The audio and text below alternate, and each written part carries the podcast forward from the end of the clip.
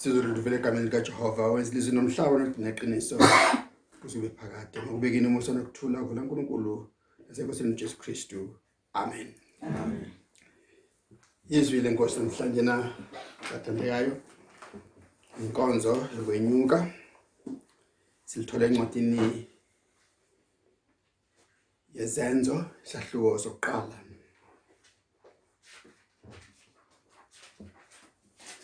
Senzo isahluko sokuqala sifunda indima yokuqala sesimindimeni yeshumi elinambili. Zenzo isahluko sokuqala indima yokuqala kuzube indima yeshumi nambili. The word of god today we are having from the book of acts chapter 1 verse 1 to 12 book of Acts, chapter 1, verse 1 to 12. Sengiyafunda. Incwadi yokuqala ngayiloba Theophile. Ngakho konke uJesu aqala ukukwenza nokufundisa. Kwaze kwaba lusuku akhushulwa ngalo. Esebayalile ngomoya oyingcwele abapostoli ebakhethile waziveza kubo ephilile emva kokuhlupheka kwakhe ngokufakazi obuningi wabonwa yibo izinsuku ezingamashumi amane ekhuluma ngezombuso kaNkuluNkulu. Kwathi ehlangene nabo wabayala ngokuthi ningamuki eJerusalema. Kodwa nihlalele isithembiso sikayise en enasizwa ngami ngokuba uJohani wabhabhatisa ngamanzi. Kepha nina niza kubhabhatiswa ngomoya oyingcwele kungakadluli izinsuku eziningi. Khona lapho khona labo ababebuthene bambuza bathi inkosi usubuyisela umbuso kuIsrayeli ngalesi sikhathi na? Wathi kubo akusiko okwenu ukwazi izikhathi noma imizuzu ubaba akunisileyo ngamandla akhe kodwa nizakwamukeliswa amandla umoya oyingcwele esefikile phezukwenu nibe ngofakazi bami eJerusalema naseJudiya lonke naseSamaria kuze kube sekugcineni komhlaba. Kwathi eseshilo lokho wakhushulwa bebuka ifu lamsusa emehlweni abo bathi besaqolozele ezulwini emuka bheka. Amadoda amabili ayemi kubo embethe izingubo ezimhlophe. Athi madoda asegadlile. Nimeleni. Nibheke ezulwini na? uJesu lo osusi osusi osuswe kini enyuselwa ezulwini.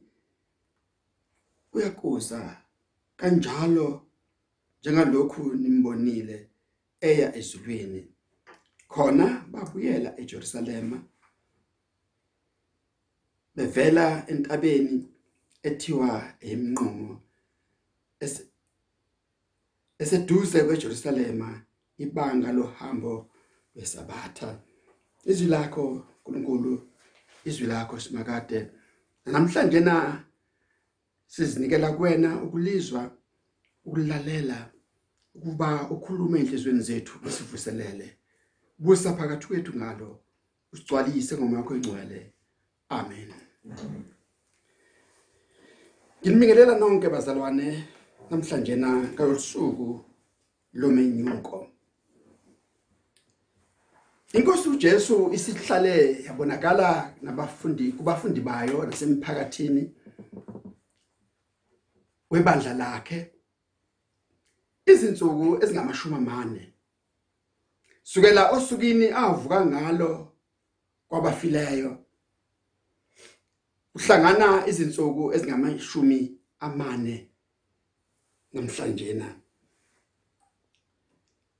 andi uma kuyilosuku uthatha umhlangano okhethekile uthatha abafundi bakhe thatha abayishumi nambili noma ishumi nanye ukhuphukela nabo entabeni yemnqumo.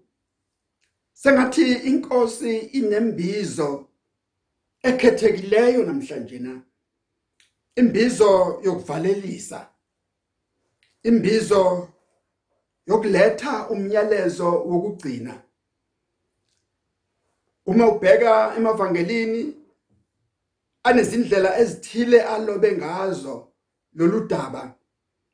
uMathewu uthi uma efika lana uJesu kulentaba uthi kubafundi bakhe ngiphiwe amandla.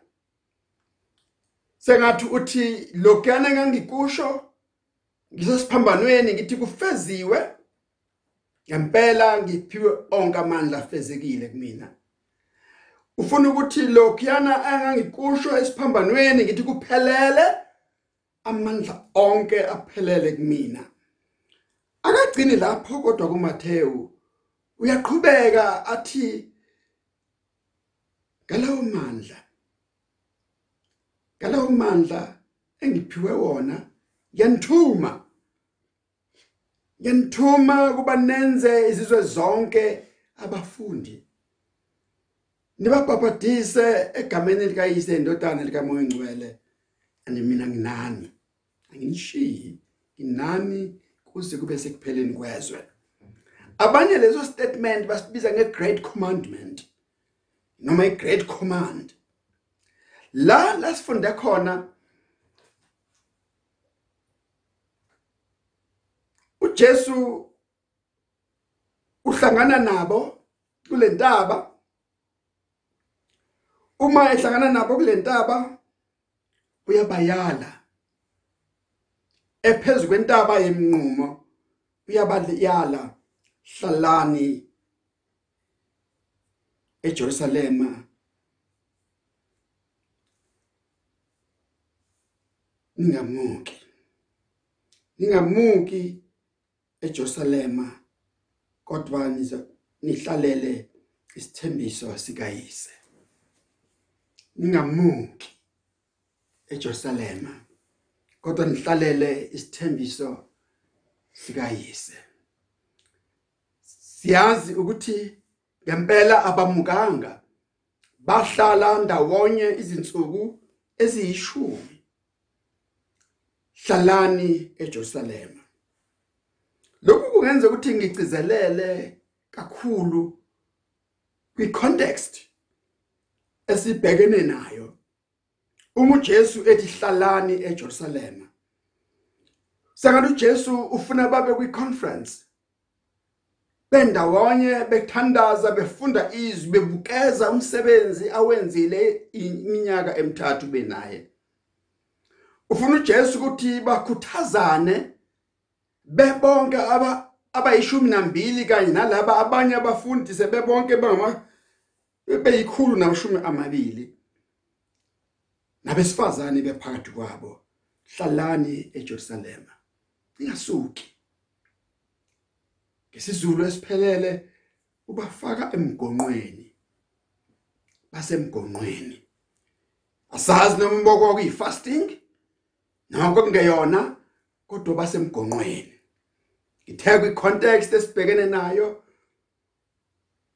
Yokuhlala ekhaya yokuhlala endlini yakho yokungaphumeli ngaphandle ye lockdown i context ye lockdown sekathi uJesu yiloko akushoyo uma ethi hlalani eJerusalem ningamuki ngifuna ukuthi bathandekayo in the same context sibheke indaba enjena ngoba akuqali ukuthi uNkulunkulu ahlalise abantu phansi. Akuqali lana ukuthi uNkulunkulu enze njena ngamanye amagama njalo uNkulunkulu meza kwenza into entile enkulu. Ubafuna abantu bakhe bediscipline. Ubafuna abantu bakhe bendawonye beqoqene. Bheka phela ukuthi uJesu ubalande abanye sebedoba sebehlakazekile. Wabalanda abanye sebesendleleni bemawosi this 40 days uJesu bebusy efuna babe ndawonye bahlale ndawonye. Ndikhumbuza indaba kaNoah. For 100 days wayihleli emkhumbini. 100 days babevaleleke emkhumbini.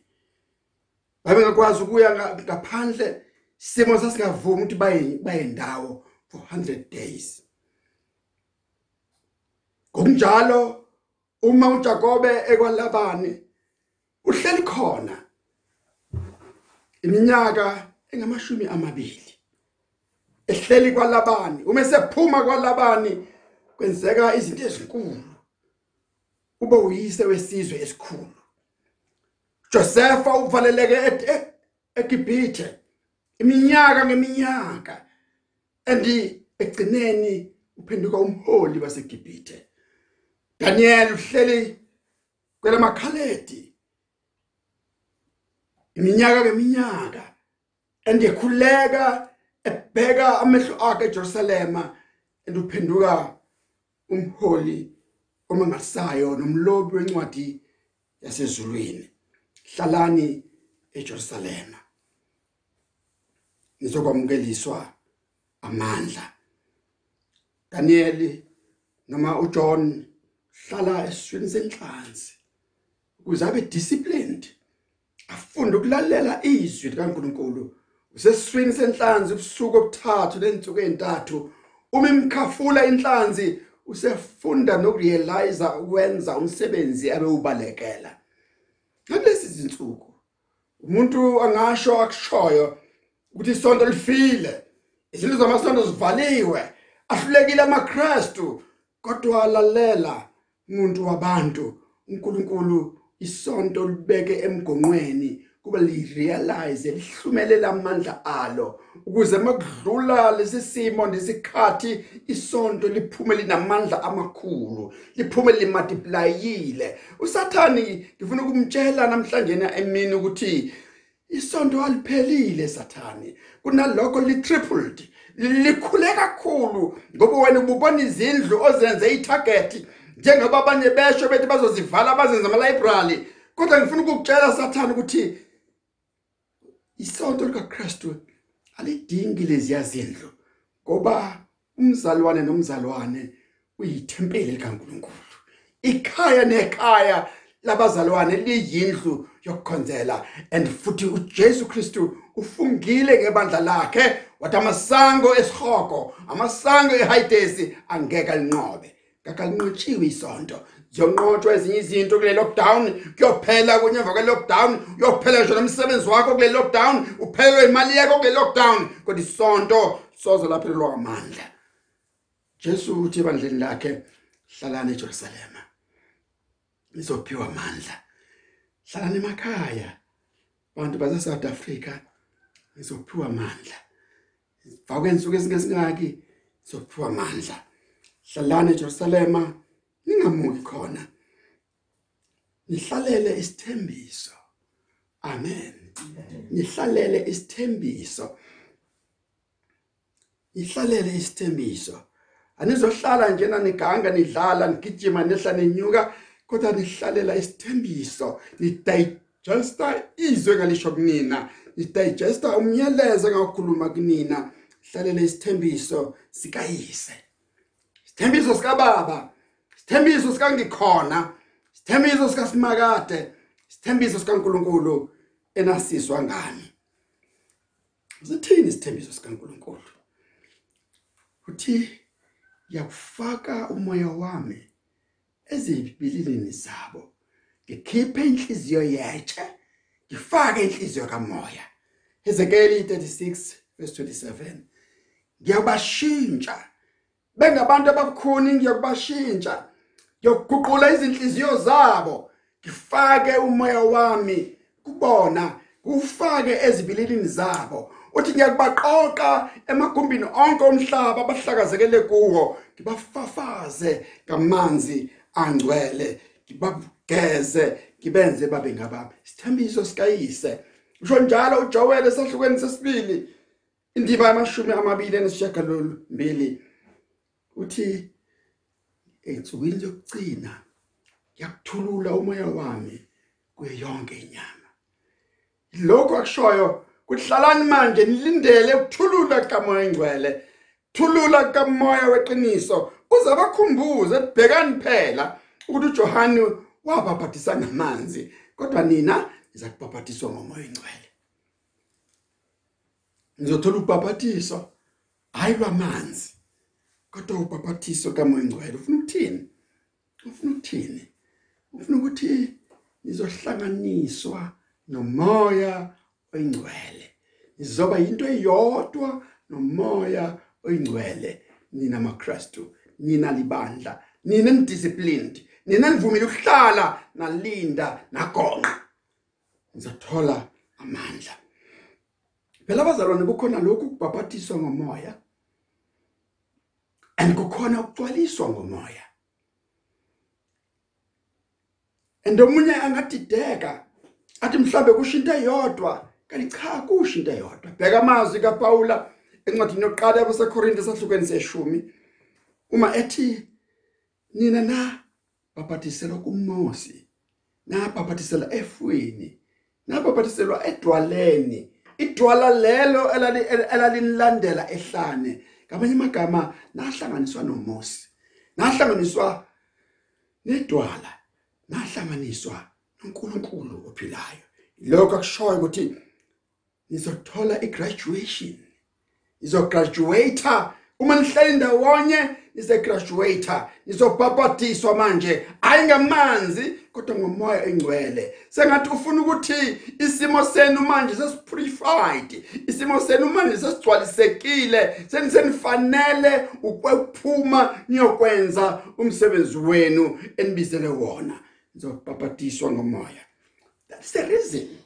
For 40 days uJesu kade baqoqa. For 40 days uJesu babuyisa ngapha nangapha ngoba befanele baficwe lesuku le lockdown bendawonye behleli ndawonye kuze balindele isithembiso sikayise zokupaphathiswa ngomoya oyingcwele kungadluli izinsuku eziningi. Just sit down. Just sit down. Just sit down. Hlalani emakhaya. Hlalani.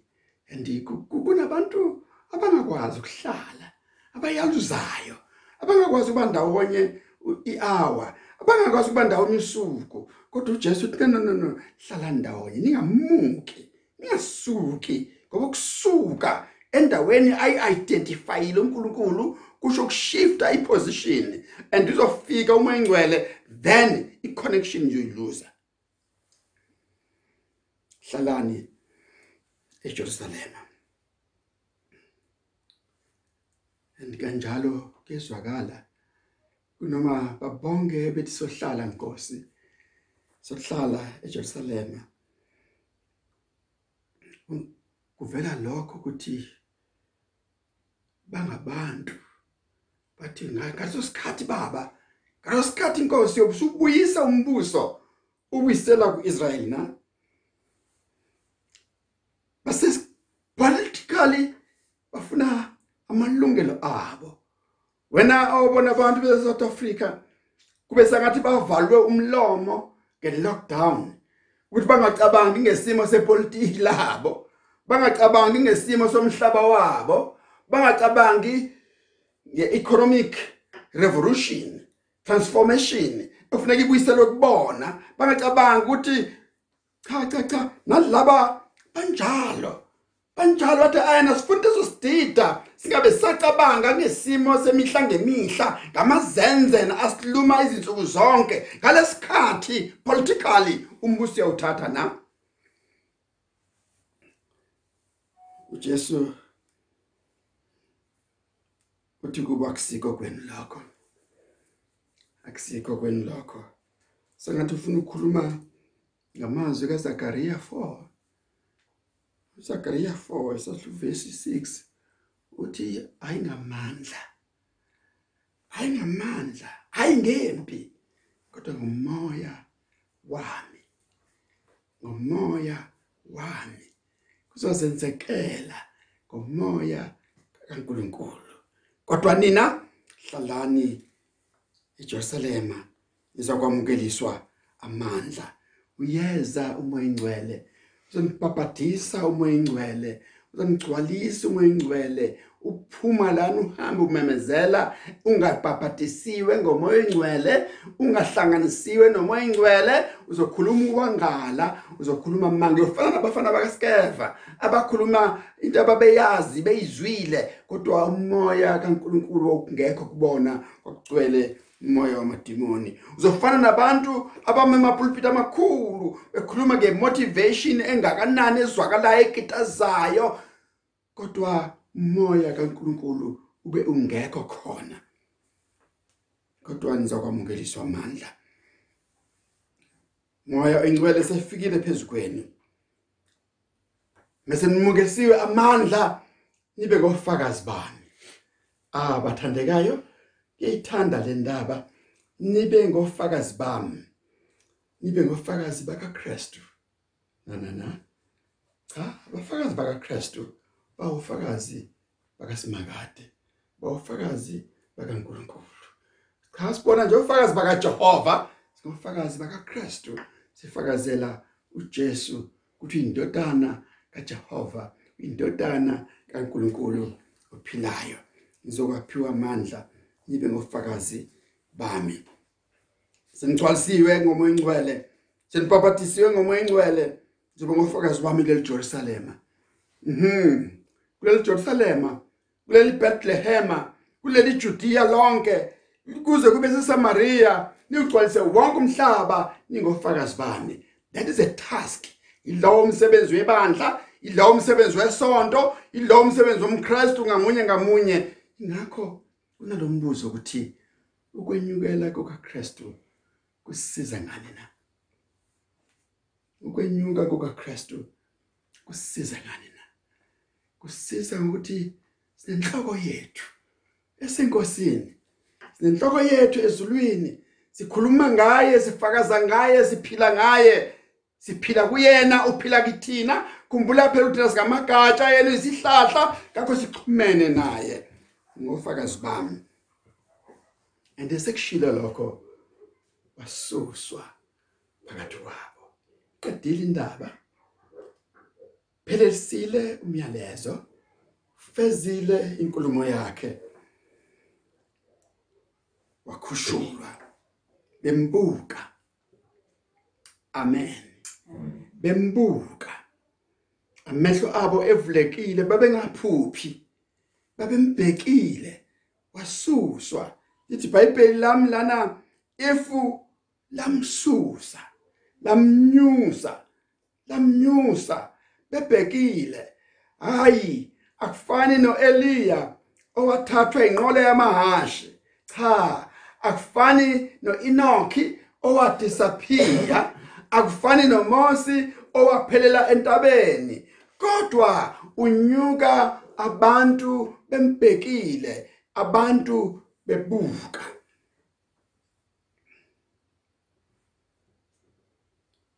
Bagqolozela ezulwini bagqolozela esibhakabhakeni bagqolozela wazwasithela khumbuleni ingoma yabantu abadala ingoma yomama ngolesine ingoma yamakhosikazi akholwayo ethi uJesu ngombonile nangiya nangiya nangiya eyongene mafini bambuka bamqolozela. Qhamuka ofakazi ababili abambethe ezimhlophe ama bathi madoda. Madoda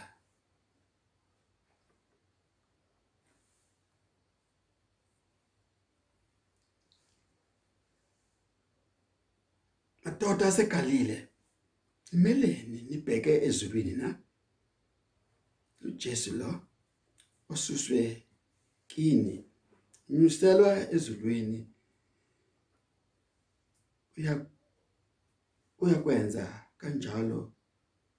Njengalokhu nimbonile eya ezulwini.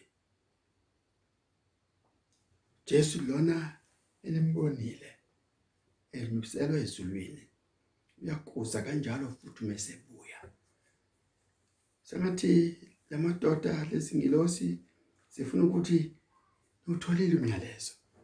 Isahlaleleni pho utholile umyalezo. Hambani niyogonqa.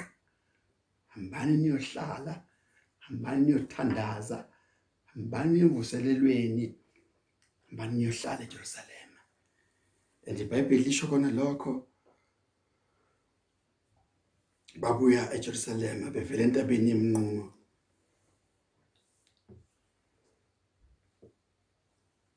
Eyibanga lohambo lwesabatha babuyela eJerusalem bafike bahlala bakhuleka. Balindela amandla balindela isithembiso.